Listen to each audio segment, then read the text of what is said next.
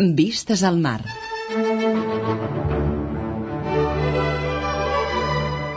Vistes al mar. Una mirada als nostres músics.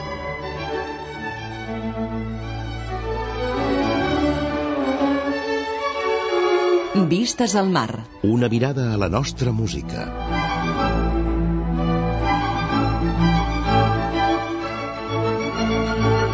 Vistes al mar. La música i els músics que han fet història al nostre país. Vistes al mar. Un programa realitzat i presentat per Xavier Xavarria. Bona nit i benvinguts a una nova edició de Vistes al Mar, el programa que Catalunya Música dedica a la música catalana, a la música i als músics que han fet història al nostre país. Per començar, rebeu una cordial salutació dels que fem el programa d'avui, el Fred Marín, a les vies de so, i qui us parla, Xavier Xavarria.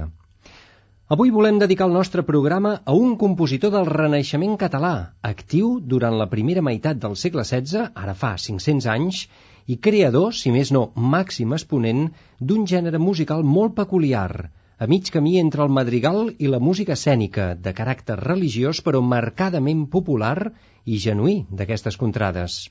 Avui a Vistes al Mar, el protagonista és Mateu Fletxa i les seves ensalades.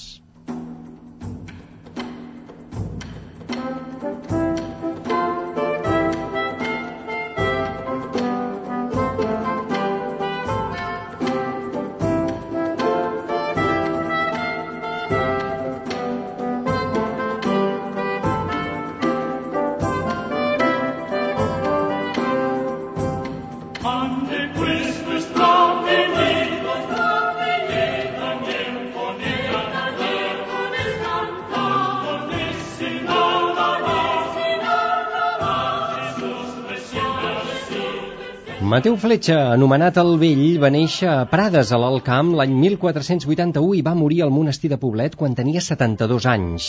La seva biografia està plena de llacunes, però amb tota seguretat va ser un músic viatger, que va treballar al servei de diverses corts a Castella i a la Corona d'Aragó.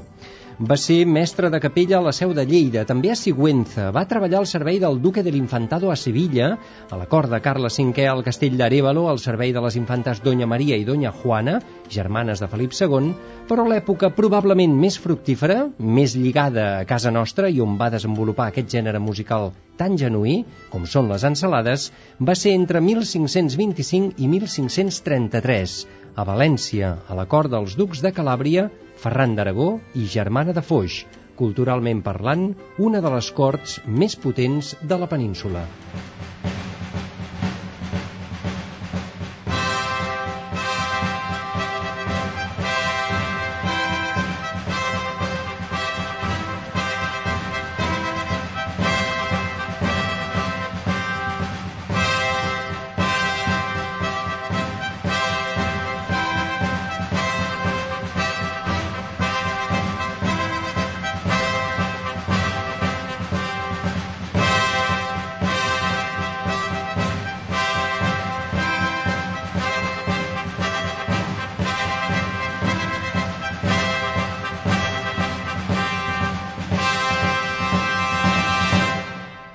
Va ser aquí on Mateu Fletxa va conrear el gènere que avui volem redescobrir a vistes al mar, les ensalades, aquestes obres vocals, polifòniques, de caràcter madrigalesc, que normalment fan referència al temps de Nadal però amb un caràcter clarament popular i alegòric.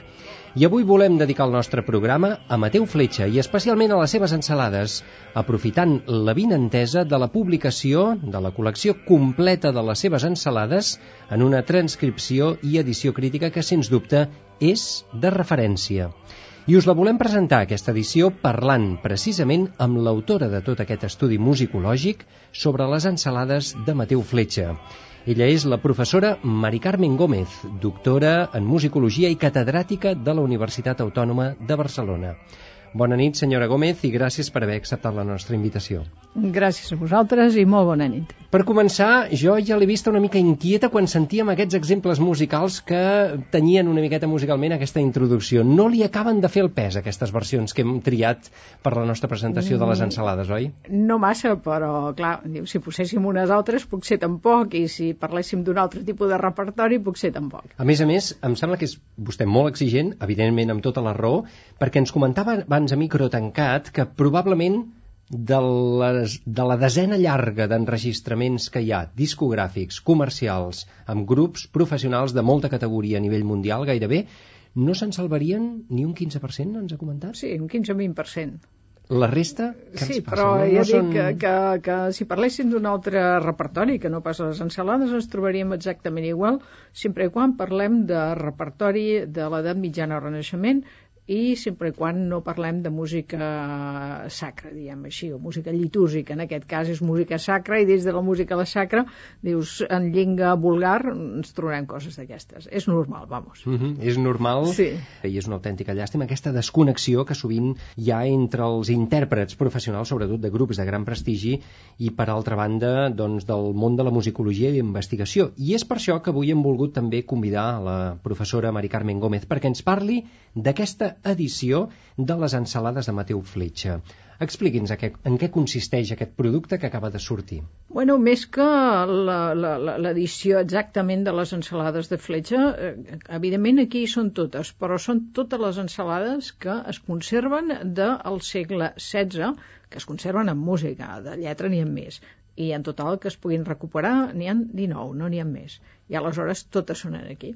És la... Són 19 ensalades, 19. totes elles de Mateu Fletxa? No, no, Hi ha no. de Mateo autors, Fletxa oi? n'hi ha 11. Llavors hi ha una d'ell que no s'ha conservat i el resta són d'uns altres autors. Parlem de les fonts per aquesta edició que, que vostè ha fet. Per cert, que hem de recordar que és una edició de l'Institut Valencià de la Música, auspiciada per la Generalitat Valenciana, eh? per la Sí, Conselleria de, de Cultura i d'Esports, oi? Sí, sí. De, Ho ha hagut d'anar a fer a València, pel que veiem, això, eh? Sí, sí, sí, sí. Uh, és molt més fàcil avui dia trobar en fi, una, uh, una persona o persones sensibles en aquell tipus d'edició Uh, jo no sé pas, eh, però dius, sempre ho dic, aquí a Catalunya mm, hagués tingut, no sé per on, no, no sabria per on començar. Canvi, a València, no ho dubto, sé perfectament on tinc que anar per, per editar coses com aquestes. I no solament hi ha una possibilitat, potser n'hi ha més d'una. I aleshores, doncs, bueno, quan tens aquest tipus d'oferta generosa, a més no poder, no ho dubtes. I jo estic molt contenta i s'han portat extraordinàriament. Però realment extraordinàriament aquesta gent de l'Institut Valencià. A més a més, l'edició podríem dir que és pràcticament de luxe. Veiem dos toms, Sí. diguem-ne, d'aquests Molt ben gruixuts, eh, fet, podríem i inclús el disseny, van buscar una persona que dissenyés això, que no havia fet mai una cosa de música, la persona va patir moltíssim per ser una persona d'aquí a Barcelona, però està instal·lat allà a València, i a l'home suava, però ho van fer magníficament. L'única cosa que és d'aquí seria tota la part de la música, l'edició musical és de Clivis, eh? això sí que ho vaig demanar perquè realment són molt bons, molt bons aquesta gent de Clivis, ho vaig demanar, però inclús la generositat d'aquesta gent de l'Institut Valencià que van dir no fa falta que sigui d'aquí a València, pot ser el que vulguis. déu nhi doncs, és bo de saber-ho això, eh? i de saber una miqueta la situació com estan les coses, sobretot per, pels investigadors que estiguin en plena feina, no? Per saber on han d'anar a buscar col·laboració, en aquest cas, i difusió. Eh, aquests dos llibres, d'una banda tenim aquestes 19 ensalades que estan en un volum, en el tom 2, que té unes 500 pàgines aproximadament, i per altra banda tenim un altre tom, el tom 1, en el qual hi ha doncs, un estudi dels textos, hi ha una edició crítica pròpiament, el que sí, seria és una edició, crítica, crítica. oi? És, és el que és, sí, sí. Uh -huh. I finalment també tenim aquesta mena de, de contenidor on hi ha, què podríem dir, que és el facsímil? Sí, és això? el facsímil, realment el facsímil de... Uh, aviam, perquè abans m'has preguntat per, per, per les fonts d'això i fonts n'hi ha vàries. Una cosa és l'imprès de les ensalades i l'altra les fonts manuscrites. I aleshores el que tenim ara aquí és un objecte, perquè aquestes coses pues, és maco tindre-ho, dels quatre quadernets que es conserven de l'edició de les ensalades. N'hem perdut un, dos, eh, no ho sabem, eh, perquè a vegades un i mig diríem així, són perduts, però els quatre que es conserven són els que tenim aquí. I només hi ha un exemplar en el món, no n'hi ha cap més. Un sol exemplar? Un sol exemplar en el món que s'ha conservat. Que és, eh, d'alguna manera, de l'edició del 1581, És- recordem-ho, és l'edició impresa de a Praga, a més a 1581. més. i inclús una història una mica rocambolesca, perquè, de fet, un d'aquests quaderns, el del baix, el de baixo, es conserva a la Biblioteca de Catalunya i ha estat per... el reste no se sabia ni que existia. Bueno, sí que se sabia que havia hagut un exemplar complet de les sis, eh? els sis quaderns o els cinc i pico quaderns en un moment determinat i aquesta, en fi, eh, resulta que això havia estat a la biblioteca, o als orígens de la Biblioteca de Catalunya, diguem així. Llavors això va anar cap a una exposició a Viena farà uns cent anys i llavors ja, en fi, no va tornar mai. Se'ls va perdre la pista, aquests sí, quaderns? És, sí, sí, i aleshores la cosa curiosa és que d'aquests van tornar, però no sabem quan ni com, i aleshores han aparegut o van aparèixer en un moment determinat a l'Orfeo Català. I aleshores... A la Biblioteca de l'Orfeo Català. A la Biblioteca de l'Orfeo Català. Aleshores van aparèixer en el moment que es va traslladar la biblioteca d'on era, en aquest nou edifici, perquè clar, van tindre que remoure-ho tot, i va sortir doncs, dins de, de tot allò. I, clar, dels quaderns que se sabia que hi havia, doncs només hi han tres, a dir, que van tornar, o, bueno, dins del que hi ha l'Orfeo Català n'hi ha tres. I el curiós del cas és que el que el, el, dius, o la immensa sort és que tens el cantus, l'altus i el tenor, que s'han conservat o que han sortit aquí a l'Orfeo Català, i el baixo, que està a la Biblioteca de Catalunya, però és d'una altra col·lecció diferent. És dir, aquell baixo no pertany a la col·lecció dels cinc i que mig quadernets. No, no, només es conserven tres en aquí i un en allà. Uh -huh. Però aquell ve d'una procedència, ve del fons Pedrell, i en canvi aquests venen de la col·lecció Carreras i Dagues i de més que ve una altra història. déu nhi eh? Perquè altra cosa. hauríem d'aclarir que quan parlem d'aquests quadernets ens referim, perquè us feu la, la idea, és un tamany quartilla, que en diríem, i apaisat, i cadascun d'aquests quadernets no conté pas una sèrie d'ensalades amb totes les seves veus, sinó que cada quadern correspon a totes les ensalades però només una sola veu, és a dir, o al baix, això que comentava la professora Mari Carmen Gómez, el baixo, o l'altus, o el cantus, o el tenor, és a dir, que tenint un sol quadernet no tens les no ensalades, fas només tens absolutament res. la veu del baix de totes les ensalades, Sí, però sí. cap altra veu. Cap altra. Per tant, I- necessites fer el puzzle, oi? Realment, i jo realment estic molt contenta de que hagi passat això, que hagin sortit aquests tres quadernets, perquè, eh, de, de, bueno, ja dic que hi havia unes altres còpies manuscrites, però parcials, i no pas de 19 ensalades, sinó només de 6, posem-n'hi d'un parell més, i, però no pas del Fletxa. I aleshores pues, eh, era ja una edició dels anys, si no m'equivoco, l'any 55, de l'higiene anglès, que no va poder fer res més perquè no tenia res més, perquè aquells quadernets els tenia i va fer pues, realment el que hi havia. És a dir, amb allò no es pot cantar, diguéssim, no, no es clar, poden de- interpretar perquè tenia el falta quadern cosa. del baixo i el que tenia manuscrit i ja està, i llavors va fer doncs, mira, el que va poder i clar, jo la, la gran fortuna de que hagi sortit això i aleshores aquest tipus de coses avui dia eh, la nostra generació de musicòlegs ja passen rarament això ho havien fet els de la generació anterior quasi. El què, I exactament? Aquest tipus d'edicions que, mm. que, que dius que trobis unes obres tan extraordinàries com aquestes i amb un, com diríem, un, un, un ressò i també unes possibilitats comercials que també es té que dir, tot això, sigui pels grups o sigui per mil i una cosa, aleshores que quedi per fer o que quedés per fer a començament del segle XXI és una cosa excepcional, realment excepcional. I jo em considero molt afortunada d'haver-ho pogut fer. I també tinc que dir que, que gràcies a l'enorme i gran amabilitat eh, també de la gent de l'Orfeo Català, que també s'han portat extraordinàriament bé, personalment amb mi i amb la gent de l'Institut Valencià també s'han portat fantàsticament bé. Bomba, bomba y agua afuera. Vayan los afuera, que os vimos navegar. Vayan, vayan los barcos al mar, que os vimos navegar. Mi bello nos espera. Nos espera. Al escoto socorrer. Al escoto socorrer. Al escoto socorrer.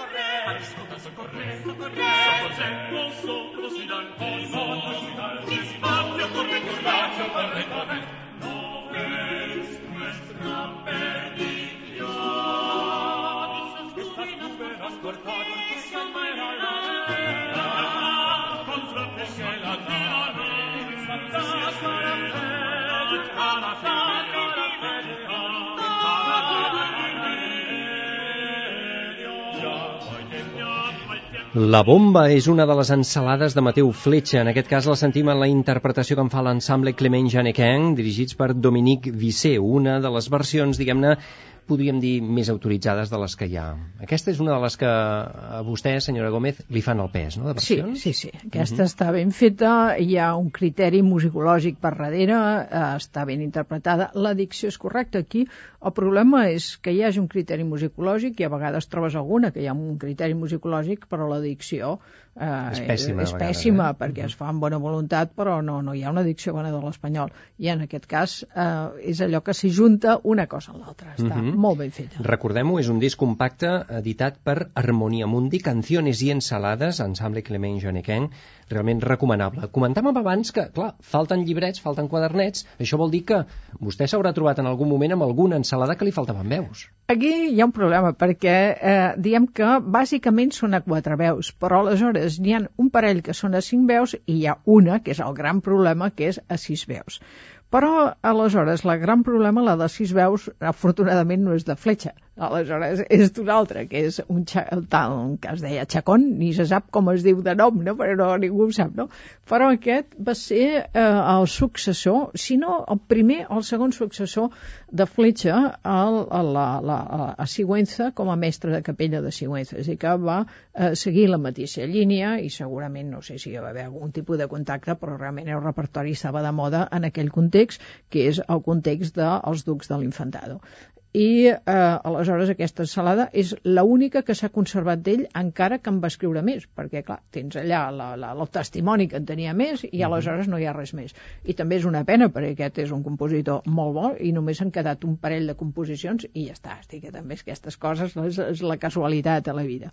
Llavors aquesta era un problema gruixut. I després, clar, aquí hi un problema en el cas del Fletxa hi havia dos problemes concretament i el problema, un, és una ensalada que és extraordinària, que és les canyes, que és un relatiu problema, aquest petit, però després hi havia un altre que també és, eh, en fi, són el problema d'una ensalada que es diu la casa i després d'un altre que són los xistes, no? que foren les ensalades a cinc veus de fletxa. Hi ha una sèrie d'anècdotes entorn d'això, no? perquè oh, dius, al principi quan et planteges fer aquesta edició no saps eh, què fer, perquè clar, agafar i composar o escriure una veu que falta és una cosa que tens que pensar i aleshores eh, em va decidir a tirar cap endavant la, la, la, la, la, el fet de completar aquestes ensalades, una casualitat i que, que, que, que es va produir a la Universitat Autònoma. Això no sé ara si és el curs que era el, el 2-3 o el 3-4, eh? ja no me'n recordo, però ja després de tants cursos a l'Autònoma ja, en fi, ja tens així una mica una nebulosa això. Jo estava preparant tot això i aleshores em vaig fer un curs d'aquests que abans era de doctorat, ara és màster, però llavors era obertament cursos de doctorat, i eh, aleshores el vaig dedicar al fletxa, perquè estava fent realment al mig de tot allò. Submergida en el Realment. treball de fletxa, eh? I eh, jo estava, eh, ja eh, concretament estava mm, fent, havia tratat de reconstruir eh, la veu que falta de la caça. Aquesta, hi havia una altra que ja l'havia més o menys reconstruïda, que era aquesta de les canyes, però aquesta, la de les canyes, és relativament fàcil, perquè dins de la mateixa col·lecció hi ha una adaptació a quatre veus de la mateixa ensalada, però que és una adaptació feta pel nebot de Fletxa. I aleshores fer la part de cinc veus és relativament fàcil, perquè de fet el que hi ha és la, el fet de que va fer concentrar dues veus amb una, i aleshores si la desdobles pràcticament surt, eh? pot haver algun dubte un costat a l'altre, però el problema no és massa gruixut. Però les altres és una responsabilitat, i a part en música espanyola això no s'havia fet absolutament mai. I No després s'havia fet mai, realment? Mai. Reconstrucció? No, no. I després eh, el que no s'ha fet és que no hi ha estudis de lo que és, eh, la, com diríem, la, la sonoritat la, de la música del Renaixement espanyol. És a dir, que, en fi, realment què és això? O del llenguatge realment del Fletxa o de tota aquesta gent, tot això falta per fer. És a dir, que si vas a buscar un petit tractat, diríem així, d'harmonia del Renaixement espanyol, doncs mira, no, no existeix. Trobaries principis generals, no?, del que seria de la polifonia franco-flamenca, però no pas d'això en concret. Aleshores, eh, se'm va ocórrer com a exercici, i llavors vaig encarregar, dic, ara veurem el que farem. Per treball que teniu que fer, els alumnes, Sí. aleshores vaig dir, cada un farà un tros de reconstruir d'aquesta ensalada, d'aquesta veu d'aquesta ensalada que jo ja havia fet. No sé si érem 6 o 7 persones, si allò tenia... Curs de doctorat, per tant, és relativament reduït, 300 no? 300 compassos, eh, diguem, de la transcripció moderna, doncs vaig dividir, mira, 30, 30 per tu, 40 per tu, amb fragments que tenien sentit. Uh Mhm. -huh. bueno, clar, què passa? Eh, que aleshores eh, trobes de tot. Eh, què, què em vaig trobar? Em vaig trobar de tot. I llavors em vaig trobar en dues persones que realment eh, tenia sentit el que havien fet i uns altres que, bueno, que no sabien ni el que eren quintes i octaves i Ai, arribes, ai. eh, bueno, en fi, i a més, a vegades No direm noms, no direm noms, perquè això potser són musicòlegs a titulats, ara, No, eh? no, però són gent molt maca, en fi, un que està, tocava amb un grup i de més, i a més després em venia, després em venia al despatx a defendre les seves quintes i octaves, fent una cosa, en fi, però era molt divertit, era un noi molt maco, molt maco, no sé què s'ha fet d'ell, no recordo com es diu, però molt agradable.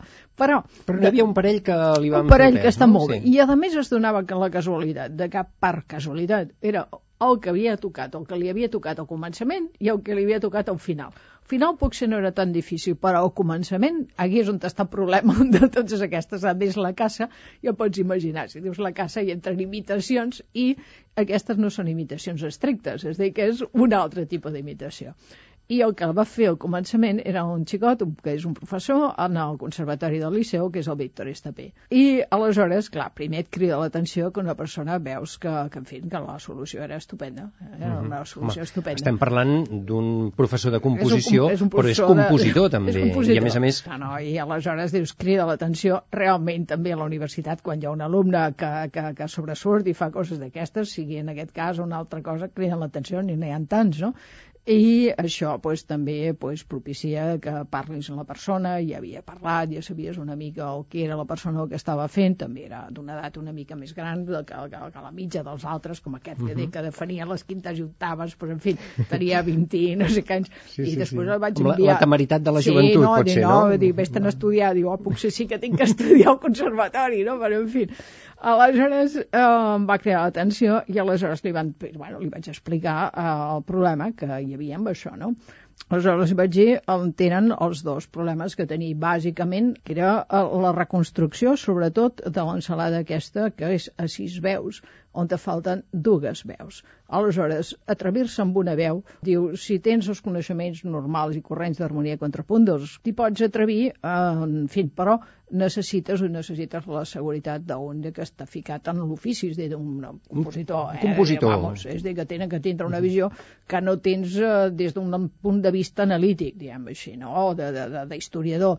De, de, I aleshores, amb una de cinc t'atreveixes, amb una de sis no i jo és el que eh, aquest xicot ha fet. A dir, que dius, i a més ho vaig poder fer, mm, diguem, a més amb una consciència, diguem, allò que dius, no, demanes un favor, eh, totes aquestes coses també eh, les poden fer gràcies als plans d'investigació del Ministeri d'aquests IMAs de Massi, veritat, i, bueno, jo vaig entre la sort i he tingut la sort de que no, mentre ho he fet i gaudit d'un parell d'ells, no, ara s'ha acabat justament aquest i en tenim que demanar un altre per un altre tipus de cosa i aleshores vol dir que són feines que li pots dir, bueno, ho fas, però també es poden pagar. Hi haurà una remuneració No, evidentment, i- i... però Mhm. absolutament correcte i prevista a partir d'aquests plans d'investigació i, de fet, trobo que ha fet una tasca d'investigació estupenda. Mhm. No s'ha tocat mai aquesta ensalada, ell, bueno, l'he sentida...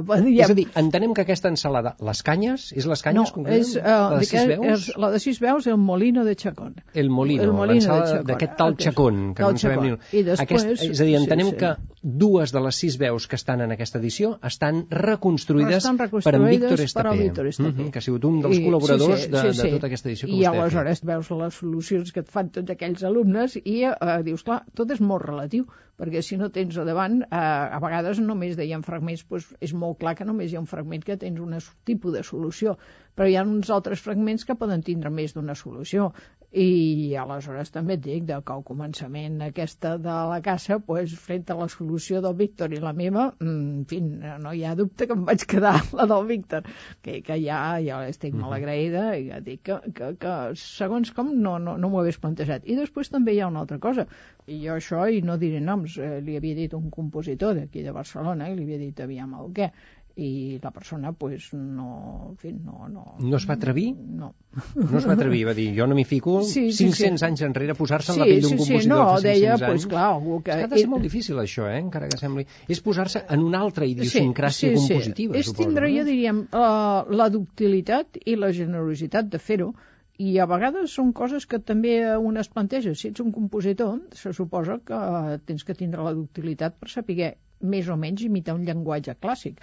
I realment em va sorprendre molt quan no, parlant aquest compositor i també canvia a vegades el criteri que tens sobre la persona quan et diu oh, jo això no sé què, deixa-ho així diu obert, diu no, però això ja ho sé diu, per deixar sense res, això no fa falta que m'ho digui ningú, és la meva feina, no? Però justament el que volia era tractar de recuperar aquestes veus, donat que jo hi havia eh, col·laborat amb un projecte molt diferent d'això perquè s'havia fet. Per tant, tenim al davant doncs, tota una joia bibliogràfica en aquest cas, que són aquestes edicions, aquestes 19 ensalades, entre les quals n'hi ha moltes de Mateu Fletxa, però també d'altres autors. Hem comentat aquest tal Chacón, El Chacón, Pere Albert eh, Vila, en tenim Albert també. Vila i aleshores també hi hauria el nebot, el Fletxa, i Mhm. després un autor que és, en fi, el, el, el Bartolomé Càrceres, Mhm. que seria l'altre. Bartolomé Càrceres, El que també era un d'aquesta òrbita, diguem-ne, de la cort valenciana. És, és uh, aquest sí, aquest sí que està a l'entorn de la cort valenciana. És una generació, diem, una miqueta més jove que el Fletxa. Mhm. El Chacón, el Càceres i el Fletxa el jove, eh, som, i l'Albert Vila, però aquí hi ha un assumpte del Vila, perquè aquí és un problema. No saps si és el Vila i jo aposto més bé de la generació del Fletxa, que és, eh, aquí també n'hi ha dos de Vila, que no pas el Vila de la generació de Fletxa el jove. Però jo, són, són coses que no, en fi, que no... Recordem que aquest Fletxa el jove que estem, al qual estem fent referència constantment és el nebot de Mateu Fletxa que alhora també va ser eh, religiós i també va ser compositor i que va Sí. ser el senyor que a Praga el 1581 es va encarregar de que les ensalades del seu oncle doncs no caiguessin en l'oblit, no es perdessin i a més a més estiguessin editades amb una qualitat i una categoria que en aquell moment a la península ibèrica no existia. Va per aquí la cosa. Uh, sí, sí, va per aquí i, en fi, és molt divertit perquè eh, parlar de tot això perquè ara ho veurem, oh, nosaltres diem, oh, que bé que ho va fer, fixa't tu, el que, en fi, en tenia en gran estima l'obra del seu tio i llavors va agafar i va procurar editar-ho. I les coses no van per aquí. Ah, no? Vull dir que, de fet, sí que ho va editar. Ho veia no? algun I altre fer- interès fosc, Sí, no, potser. de fet, segurament, eh, aviam, aquest, aquesta cosa que tenim així, eh, segurament és els, una col·lecció d'ensalades que tenia propietat d'ella la Mencía de Mendoza, que era la segona dona del duc de Calàbria. Aleshores, eh, ja hi havia hagut un projecte d'un canonge de València quan eh, de- d'editar tot això. I inclús va treure o va demanar el permís d'edició i se li va donar. Eh, havia demanat el permís a la Cort Real per, eh, el, eh, perquè en fi, li, li permetessin editar en això i aleshores li mantinguessin el privilegi, bueno, diem, l'exclusiva de l'edició. Però va passar que aquest eh, capellà, que es deia un tal Pujol, es va morir i aleshores aquest eh, quadern doncs, va quedar allà. Aleshores, aquest tenia preparada aquesta edició, però jo penso que és mentida, perquè aquest era un capellà que havia sigut un capellà de la medicina de Mendoza.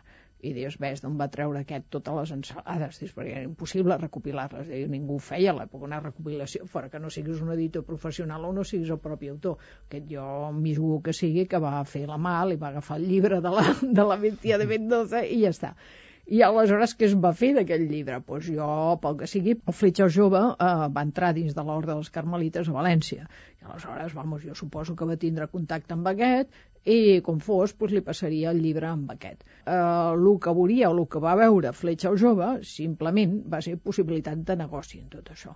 I aleshores ho va fer per possibilitat de negoci. I ja està. Res de pensar, aviam si el tio ni res. I aquí davant diu, oh, el que ha recopilat les ensalades. Res, res, res, res de tot això.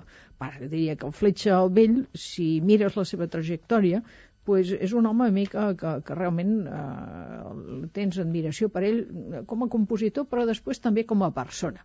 Eh, com a persona, perquè veus aquelles persones que són artistes de veritat, que obren camins i que ho va tindre difícil, que no ho va tindre fàcil, eh, que era una persona que, que va lluitar. Es va haver de bellugar molt i va haver d'anar a diverses sí, corts, eh, per trobar el seu I espai. jo suposo que va tindre molts rivals perquè, en fi, que, que sobresortria. Anem de parlar de la trajectòria Sí. vital de- d'aquest compositor Mateu Fletxa, que recordem-ho va néixer encara a finals del segle XV a Prades i que va viatjar molt i que podríem dir, no sé fins a quin punt podríem dir que és el creador de l'ensalada és d'alguna manera no només el màxim exponent sinó creador. Aviam, creador- Algun havia fet abans d'ensalades? Uh, diríem que podríem parlar dels precedents i diríem que sí, però uh, el desenvolupa el gènere, el fa el que nosaltres entenem per una ensalada musical és una cosa del fletxa.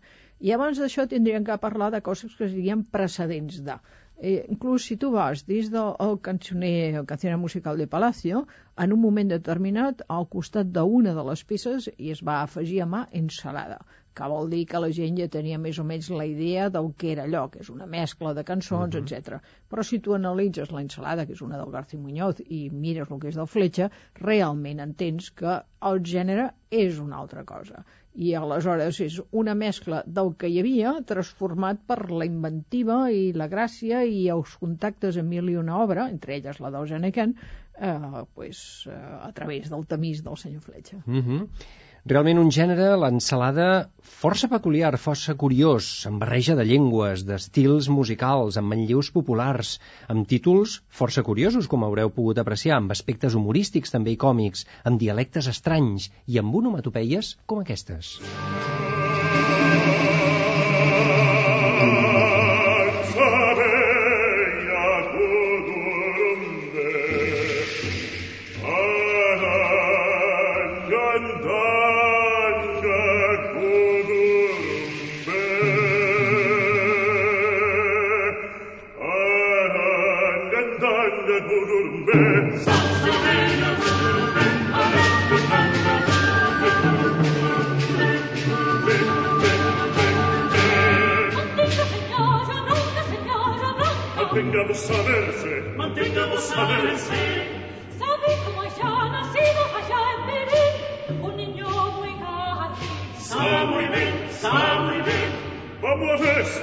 Yo io per sempre c'è la. Santo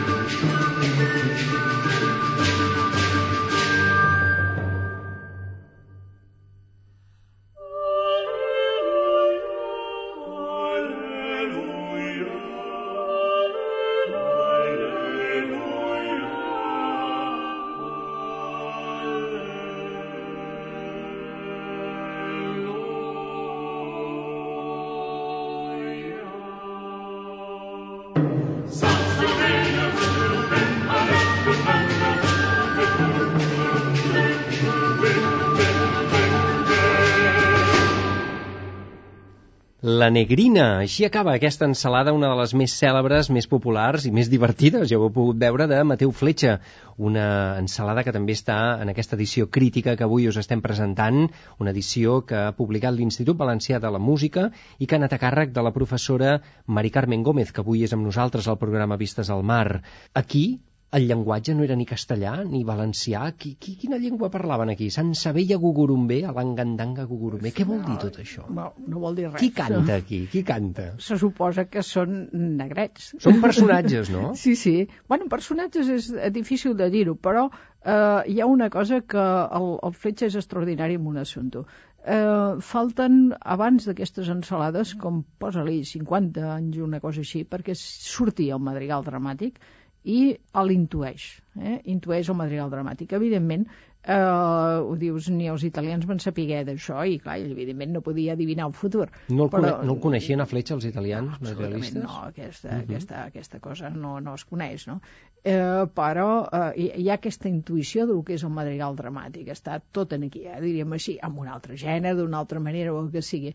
I aleshores sempre hi ha hagut la tentació de dir, aquí hi ha personatges estan intuïts els personatges, però on te'ls veus dius, aquest fa el que transforma. És el teatre de l'època que ja tenia música, seria un musical. Eh? El teatre del Renaixement espanyol és un musical, uh -huh. i bastant millor que alguns d'aquests que veiem avui dia. Però, en fi, aleshores... Pues, és a dir, això era una mena de petit musical. És, és un, aviam, eh, el un que era... No, no, escènic, no, no, el i que era un musical era el teatre de l'època. Eh, dir que era obres de teatre i, escolta, estava ple de números musicals. I aquí la gràcia és que ell retransforma tot això i aleshores allà on tu tens els números musicals hi continuen sent. Per exemple, el que acabem de sentir seria un número musical, aquesta cançoneta. Però el reste, eh, aleshores, és un llenguatge madrigalès que en comptes de parlar pues, el que sigui, pues, bueno, és un complexe polifònic a quatre veus o el que sigui que condueix tota la historieta que t'està explicant. I aleshores dius, clar, l'extraordinari és això. O sigui que això no n'hi ha d'aquesta cosa. Eh? Aleshores, eh, ojo, perquè és tota una evolució del llenguatge fins que arriba en un moment determinat. Al principi eh, realment són com pagotets aquestes coses, és, és teatre a la musical, d'alguna manera, Mhm. i a partir d'un moment és una altra cosa, és un madrigal dramàtic, eh? però aleshores això li passa a partir del moment que coneix el, el, el, la música, un parell d'obres almenys d'Eugene Kent, però amb una encara està imitant una mica Eugene Kent, però després surt a l'immens i gran fletxa. Exemple, La bomba, aquesta ja és una obra que no té res que veure amb ningú, és fletxa obertament, i aquesta és una obra genial, aquesta, o Les canyes són obres extraordinàries, o La viuda, obres realment extraordinàries. Més pot ser fins i tot que aquestes que tenen més difusió, com La Justa o La Guerra o... Uh, bueno, la guerra és una d'aquestes que, que, que és Janequent, no? Dir, que, que veus que s'està copiant. Sí. Eh? Dir que, que és igual que un pintor que se va a un museu i dius, ui, això m'agrada. Que- Fletxa sí que coneixia Janequén, Eh, La Guerra conèixer, i l'Eixant sí, sí, i totes aquestes sí. Bueno, no ho peces. sé, però la guerra seguríssim, Seguríssim. perquè Mhm. és que estan les mateixes onomatopeies d'una estan sí, sí. l'altra i el Mhm. mateix tipus de recurs i tot, però és amb això, en la voluntat d'aprendre, li crida l'atenció al llenguatge, se'l fa seu, però una vegada que se'l fa seu, deixem-se. Eh? Aleshores, és el Fletxa, un Fletxa que venia d'una línia de teatre villancico, eh? aleshores ja era d'alguna manera una mica diferent de tot el que s'havia sentit, però en l'impacte del, del, del aleshores és quan surt aquest gran Fletxa, realment el, el gran compositor de l'última època d'ell. Estem parlant d'un gènere musical que explica una d'alguna manera una història, bàsicament de temàtica nadalenca, amb una certa alegoria, personatges alegòrics en algun moment i amb una mica de moralina, fins i tot sí, al final. eh, fixa't que hi ha tota una evolució eh, des del començament al final, perquè, clar, ara nosaltres parlem del Fletxa compositor d'ensalades, però és que hi ha un Fletxa compositor de villancicos. Eh, el- L'ideal complementari d'això seria un quadernet en tots els villancicos del Fletxa. Aleshores podries veure el seu llenguatge i l'altre. Però tots aquests villancicos que tenim són de la primera etapa del Fletxa. Aleshores, això és unes altres etapes. La, o potser eh, poden coincidir alguns dels villancicos en les primeres ensalades, però després ja no. Eh? La seva atenció està centrada en això i segurament en obra sacra, de la qual no en tenim res. Eh? No tenim alguna notícia, però vamos, són notícies, no tens absolutament res. I aleshores, Temàtica nadalenca. Sí, la temàtica aquesta era que els villancicos aquests n'hi han algun que és sacre, però normalment els seus villancicos tots són profans menys un. Profans, però de temàtica religiosa. No, no, Parlen no, no, no, els el vi- pecado... no, no, no, no, els villancets no, els villancets Ah, no, els la. Teresa i Carmana Cert. i tota aquella mena de cosa, no, I el no, que farem del pobre Joan, ah, per bueno, exemple, són, també. són coses que, que, en fi, no tenen res que, que, que veure, al contrari, eh? Mm. jo et diria que més bé aniria cap al gènere, jo et diria quasi eh, en algun moment eh, eròtic, pornogràfic, eh, que no tira per aquí. I de repent, també de començament, eh, aquest no tenia que ser capellà, es faria capellà en un moment determinat. Eh? Al començament no, hi ha tota una etapa que no se sap res, llavors comences a saber algú quan, quan entra a, primer de, de, de, de sopranista eh, a la catedral de, de, de Lleida, després passa a, a mestre de capella. Però eh, és molt possible que abans hagués estat en el servei, i em sembla que són dels comtes de Prades, és possible, és molt possible que hagués estat a l'entorn eh, dels comtes de Prada, però no se sap res i és molt agosarat dir-ho. Hi ha aquesta etapa profana, després venen totes aquestes ensalades entorn d'aquest tema, dius, de villancico nadalenc, i després, diem, al final, la seva última obra és Les canyes, i Les canyes és una ensalada profana. Aleshores, no n'hi ha cap més d'ensalada profana, en el reste hi ha una que és sacra que no és nadalenca, però aleshores aquesta ja té que veure, és cosa eucarística, però ja entra dins de la moda de les ensalades eucarístiques que tiren els que vindran després d'ell, no? Però aquesta profana és ja, eh, dius, si Fletxa viscut, hagués viscut més o hagués tingut la nostra història, hagués sigut una mica diferent, les canyes obria un camp cap al naixement, diríem, a apropar-se al que fora el naixement de l'òpera, eh, o en néixer madrigal dramàtic cap a l'òpera. I és, aquesta obra és absolutament fonamental, aquesta, Les canyes. Per tant, l'esperit dramàtic d'aquesta- Ah, sí, d'aquestes sí.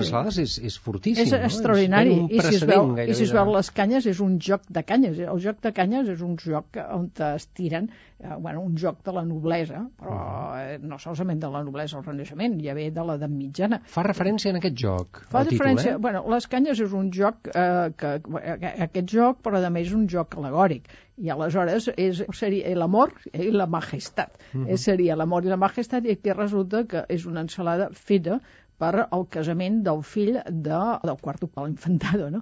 Aleshores és una ensalada pues, d'encàrrec, diríem. Si no és d'encàrrec, pues, fin, li van dir a casa i tens que fer aquesta cosa. Inventa dos bandos diferents i aleshores cada bando porta una quadrilla i porten, surten els personatges i aleshores cada un va vestit dels colors, inclús un va vestit dels colors de, la- de, de, de, de, de les armes del duc de l'infantado i a l'altre, pues, en fi, hi ha els bons i els dolents, qui vens i que, que, qui és el perdedor i tota la cosa.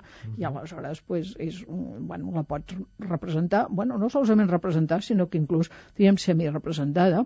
Jo ara fa poquet, fa qüestió d'un mes, pues, he estat al Festival aquest de Música Antiga d'Utrecht i eh, aquesta ensalada, concretament, s'ha fet una semirepresentació d'aquesta ensalada. Semirepresentació. Una semirepresentació. Ho sí, permet, sí. això, és a dir... Sí, sí, això es permet això és- perfectament, sí? perfectament. Fixa't que en aquest cas que l'espai era petitet, perquè ho han fet amb, bueno, l'espai escenogràfic, perquè l'església era molt gran, ho han fet dins d'una església, i aleshores, pues, què han agafat? Pues han agafat marionetes, i aleshores aquests, eh, en fi, aquests, les canyes o aquests cavallers que se suposa que, en fi, que estan en aquí lluitant, pues són marionetes d'aquests pupi, veritat, Mhm, sicilians. grossos, sí, exacte, pues sí, aquests sí. pupis sicilians en els ha fet, un manegava els filets per aquí, l'altre per l'altre, i aleshores feia que es barallessin i un i a l'altre. Sí, sí, I estan molt bé, sí, sí.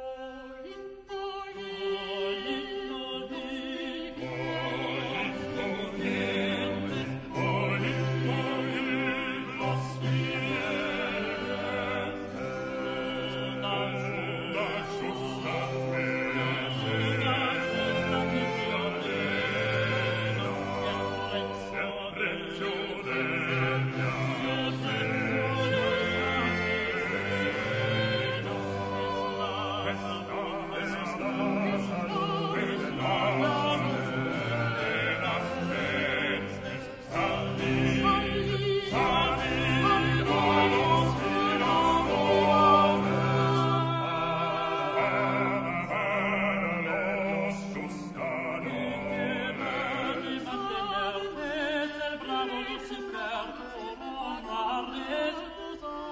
Sentim uns compassos d'aquesta ensalada La Justa, una ensalada, en aquest cas, interpretada pel conjunt New London Consort, dirigit per Philip Pickett, i que ja heu vist que tenia com una mena d'introducció amb una gran, un gran dispositiu instrumental, entre cometes, eh? tambors i trompetes i tot plegat. Això no ho hem vist en les partitures que vostè ha editat. Mm, que és que s'ho han inventat, pot ser? Uh, bueno, fent, fan el que els hi dona la gana, que, que, que això és uh, polifonia, és música a capella, això, els instruments no intervenen absolutament per res. Uh, dius, vols doblar les veus? Pots doblar-les, pots fer, t'ho permet fer, però realment una orquestra sinfònica del Renaixement, això està absolutament fora de lloc, fora de lloc. I, en fi, però bueno, Quins instruments serien els adequats per acompanyar aquest tipus bueno, de quins repertori? instruments, clar, tens que veure quin instrumental hi havia a l'època i aleshores, pues, eh, clar, dius que tens, eh, normalment, que, al principi, a la, a la casa el que tenien no tenia instruments, era la capella eh, la que tenia instruments, a la casa només funcionaven els cantors i aleshores tenies el músic de cambra, i el músic de cambra, a l'època del Fletxa, doncs mira, tocava la guitarreta o la vihuela, és a dir, que res més, la guitarra renaixement o la vihuela, i aquests dos és el músic de cambra. Clar, el músic de cambra no té res que veure en tot això, perquè aquell era el repertori de la monodia acompanyada, si li vols dir, encara que, en fi, però tens tots els repertoris de violistes o dels laudistes o del que vulguis dir, no? I aleshores, a l'altre és quina plantilla instrumental tens a l'època i quan es conserva. Bueno, en fi, aleshores què hi havia? Hi havia xirimies, segur. Eh? Dic que llavors un número variable, perquè això també, en fi, no, no, no es conserva i aleshores pot dir que tens 4 o 6 individus d'aquests. Uh, però pensa, dius, un que no faltava mai, què tenien? Un arpista, dius, clar, dius, aquí, en fi, aquí, no, no, dius, és l'arpa? Dius, clar, a cap lloc, no? I aleshores, poca cosa més. Eh? No Instruments tenia- bàsicament de Eh, vent, Sí, sí, eh? bàsicament de vent, i a l'arpista, o els arpistes, el que toca l'orga, clar, evidentment. I aquesta percussió que se senten Ah, no, totes d'això. i totes exactament. Mm, bueno, jo suposo que algun instrument de percussió tindríem, però mai de la vida, i vamos, no està ni recollit a cap lloc els instruments de percussió, o sigui que no, no, no és res. Per tant, eh? tampoc no és massa correcte posar-hi aquest aire, diguem-ne, tan festiu i tan lúdic, pot ser, aquest Eh, tipus de no, no, no, no, no, no, no, és una altra cosa. Dir que, que, que això, per ell, si s'interpreta bé, les ensalades tenen vida per si mateixa, una vida extraordinària. I eh, quasi jo diria que posar tot això és que ho embruten, però no, és que ho embruten, però dissimulen mm, o, o, o, el no saber fer bé les coses, ja. Fi, per dir-ho amb una paraula. Déu-n'hi-do, déu nhi déu Situem també geogràficament la gènesi i la llavor d'aquestes ensalades. Abans hem comentat en la presentació que bàsicament on s'havien forjat totes aquestes ensalades de fletxa era la cort dels ducs de Calàbria, a València, eh, amb Ferran d'Argó i, Germana de Foix. I em sembla que vostè l'he vist que arrufava el nas. No Sí, bueno, a vegades, eh, aviam, això és el que s'ha dit fins ara i en els materials que has tingut sobre la taula pues, era correcte. Però eh, quan l'anglès va fer la seva edició de les ensalades en els anys 50 i pico, aleshores també va haver una persona que tenia per darrere pues, la part filològica o la part que va pensar entorn tot aquest món veritat que hi ha per darrere, que era un, un filòleg que es deia Josep Romeu.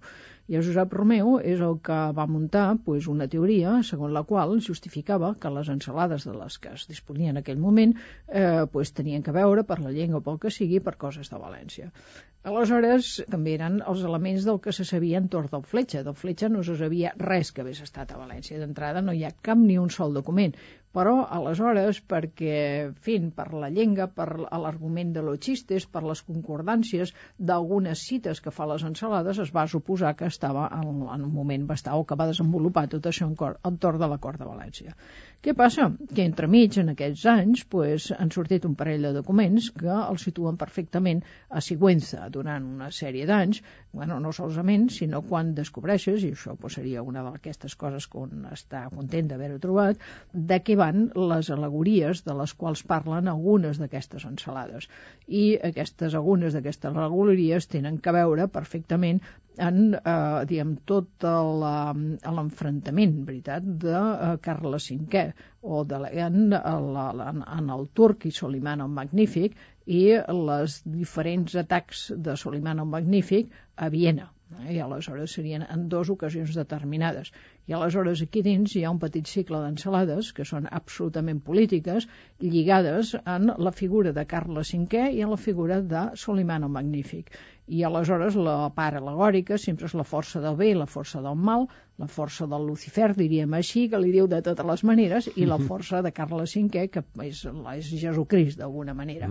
I aleshores, que clar, i tot això pues, eh, no té res que veure en el duc de Calàbria, sinó que té que veure en la cort directament, però no directament a la cort, sinó a la cort dels ducs de l'Infantado, que al fi i al cap resulta que les infantes, les filles de Carles V, quan va quedar viudo, va ser el tutor, eh, on van anar a viure les filles del duc de l'Infantado, eh, del, del, Carles V va ser a la cort del duc de l'Infantado, que era el magnate. Dient, quan parles a l'època de, de Felip II, és el duc d'Alba i tota aquesta mena de cosa, però el gran magnate a l'època de Carles V era el duc de l'Infantado. Felip II es va casar a la cort del duc de l'Infantado, la segona uh -huh. vegada, la tercera, diga, era la persona més influent. Eh, diguem. Potentat I, de l'època, vaja. Patentat de l'època i a part, pensa de que venien de la família dels Mendoza, és a dir, que del, del cardenal Mendoza i aleshores tota aquesta família. Uh -huh. I pensa, entre altres coses, que abans he dit la que serà la segona dona del duc de Calàbria, i aquí està la relació de Fletxa amb València.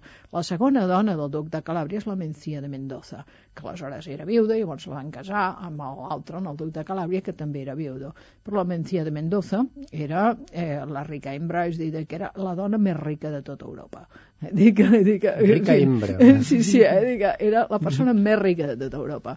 Per al seu primer, el marit que havia mort i de més, penso que eren, com diem, els virreis a Flandes, eh? van ser els virreis eh, que a l'època del Fletxa hi havien estat, eh? I aleshores aquesta no tenia fills ni res, i a part d'això era, que tenen en compte que la cort del duc d'Infantado, eh, quan es mira, a veritat, és una cort una mica diferent de les de més, perquè va ser per on van circular, especialment a l'època del quart duc, totes les idees erasmistes per Espanya, i la mateixa Mencia de Mendoza va ser objecte d'observació eh? quan es va casar en el duc de Calàbria, especial atenció també per les idees filoluteranes, filorasmistes. Uh -huh. I a part d'això diríem que era una persona molt culta, eh? que era una persona molt culta i que va protegir a tota una sèrie d'escriptors a València i de més. I aleshores, inclús el seu primer, el marit anterior, era, va ser, se suposa que va ser el propietari, el primer propietari del Jardín de les Delícies del Bosco, i aleshores, si això estèticament té que veure en alguna aleshores el més semblant de les ensalades de la fletxa a partir d'un moment determinat és justament l'estètica del Bosco. És molt i molt i molt paral·lel una cosa en l'altra, el que hi ha d'una manera i de l'altra. I és justament aquesta mena de coses. Aleshores, i el Romeu, primer, no ho va veure, jo encantadíssima de la vida que no ho veiés, no? Però són coses que són evidents, al qual ajuda pues, la troballa a vegades de dos o tres documents que saben o poden situar el personatge exactament en un context. N'hi ha molt poquets, però quan el tens perfectament documentat en dos o tres documents a Sigüenza, pues, clar, col·locar-lo al mateix temps a València, pues, no, no, no, no pot ser, no? I això ens ajuda molt, ens ajuda molt.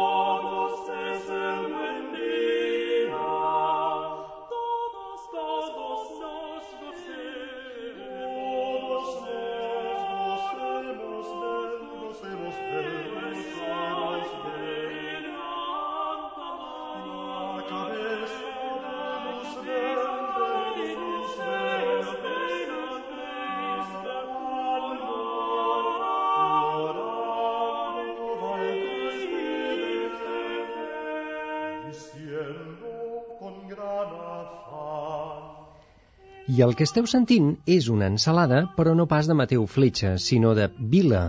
És el Bon Jorn i està interpretada pel conjunt La Colombina. Ja ho veieu, quatre veus cantant a capella. Són Maria Cristina Kier, Claudio Cabina, Josep Benet i Josep Cabré, que els dirigeix.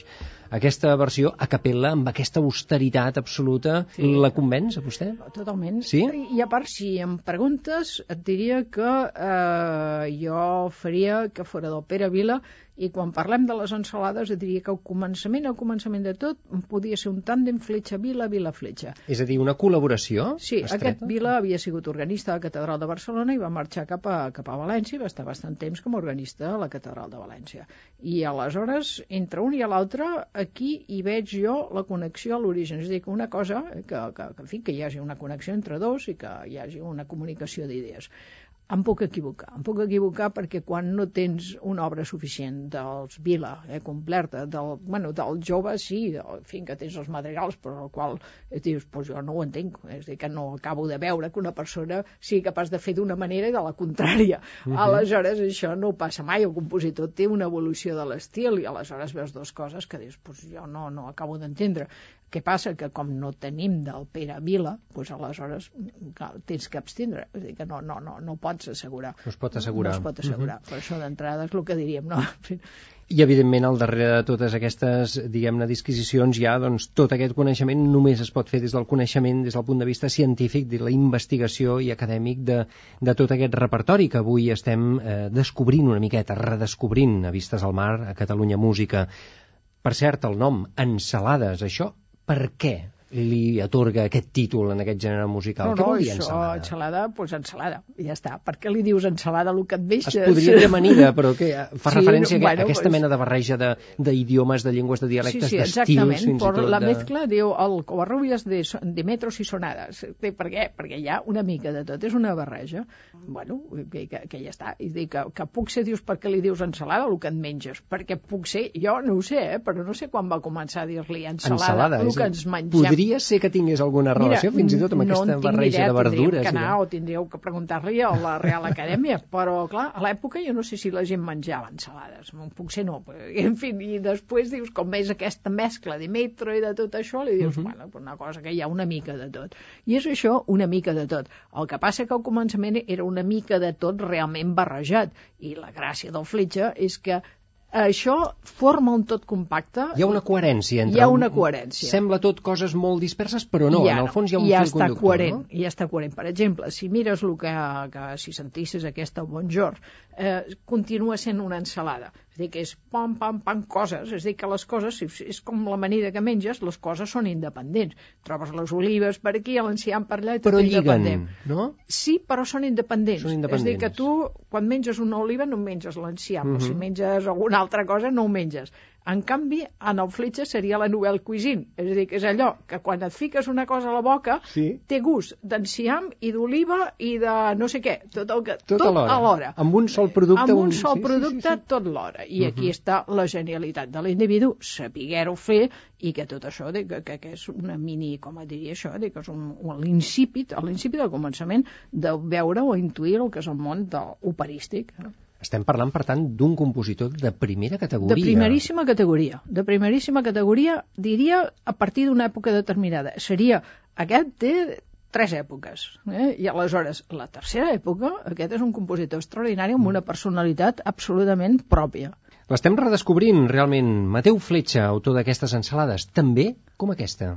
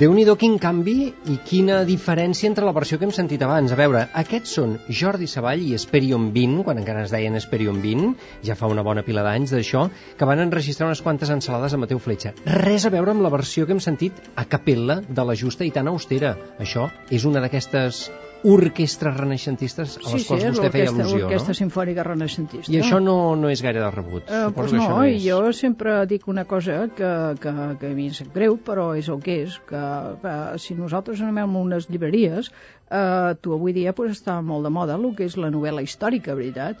I eh, novel·la històrica no és pas història. I eh, aleshores un, eh, producte mai de la vida en una llibreria un escriptor eh, tracta d'enganyar-te quan un fa escriure una novel·la històrica. No es diu historiador, es diu novel·lista. I aleshores en els intèrprets de música antiga es diuen que són intèrprets de música antiga quan eh, alguns d'ells realment són novel·listes. Aleshores el que et venen és una reconstrucció fantasiosa del repertori del Renaixement o repertori medieval.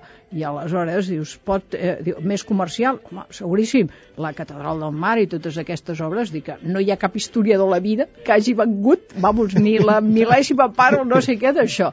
Ojo, però aleshores ja, el, el que ha escrit el llibre mai de la vida ha dit jo sóc un historiador. Uh -huh. Ningú de la Ell accepta i admet que s'ho inventa això, tot. I la gent li agrada, magnífic, eh, magnífic. I aleshores jo que em queixo, dius, eh, eh, versions com aquesta són lícites. Clar que sí, clar que sí que és lícit. Però, aleshores, eh, eh, de què estem parlant?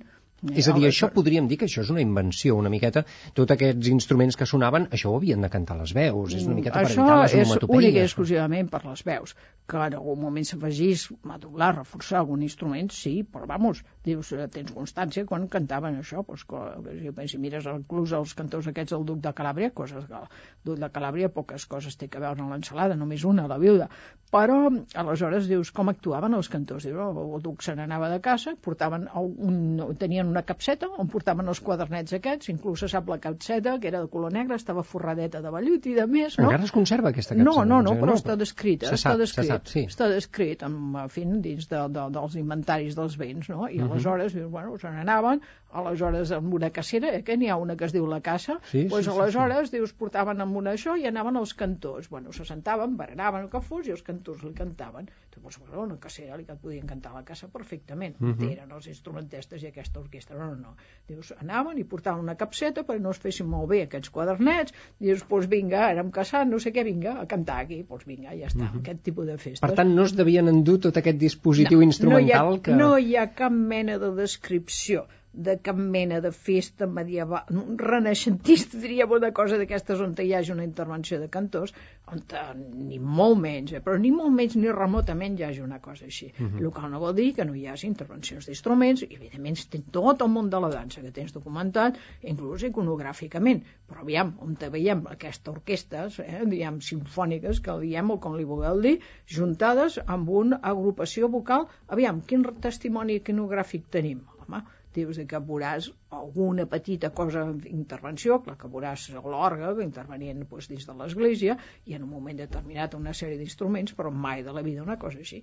Per tant, el que dic, dius, és lícit, és absolutament lícit, que té èxit, magnífic, meravellós. I és molt comercial. Tot I ven molts sí. discos, eh, Ah, probablement. no, no, però em sembla fantàsticament, em sembla molt bé, és dir, que no tinc res que dir. Inclús diríem, escolta, la gràcia de poder vendre tot això i reinventar el repertori. Mhm. Però el que diríem això és reinvenció d'algo. Novel·listes de la música i no pas historiadors, no? Exactament. Fent aquell paral·lelisme que vostè ha Exactament, abans. Eh? exactament. Doncs val la pena tenir-ho present i és per això que ens ve de gust de fer aquests programes, dedicar-los en aquest repertori, en aquests autors i a més a més convidar autoritats en aquest repertori que hagin investigat a fons quants anys li ha portat fer tot això, Sis. professora Gómez? Sis anys. Sis anys. Anys. Recordem-ho, és l'edició completa d'aquestes ensalades, fins i tot amb els quadernets en facsímil d'aquestes 19 ensalades, la majoria de Mateu Fletxa, que han estat editades per l'Institut Valencià de la Música i amb totes aquestes partitures que tant servei poden fer els músics, ja sigui professionals i també amateurs del nostre país a partir d'ara.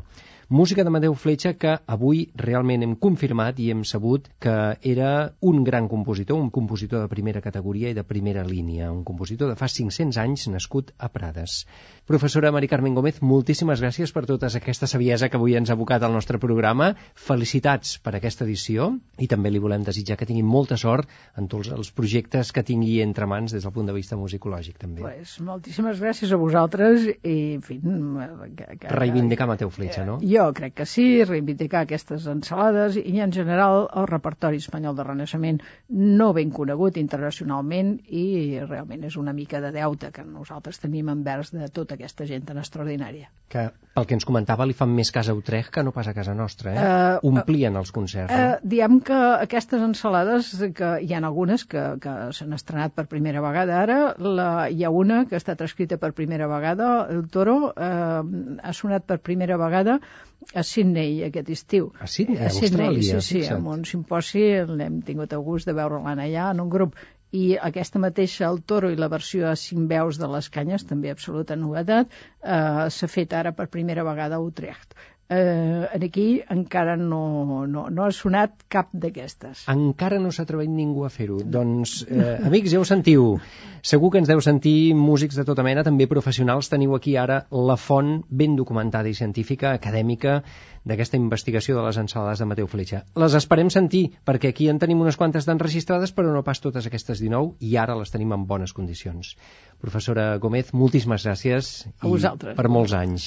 Amics, marxem. Vistes al mar, com sempre amb vosaltres, amb Alfred Marín a les vies de so, i amb Xavier Xavarria, aquest qui us parla. Ens tornarem a trobar divendres que ve, aquí a la sintonia de Catalunya Música. Que acabeu de passar un molt bon cap de setmana. A reveure. Vistes al mar.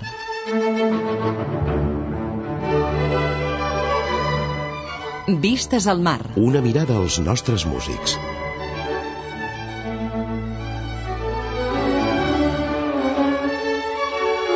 Vistes al mar. Una mirada a la nostra música.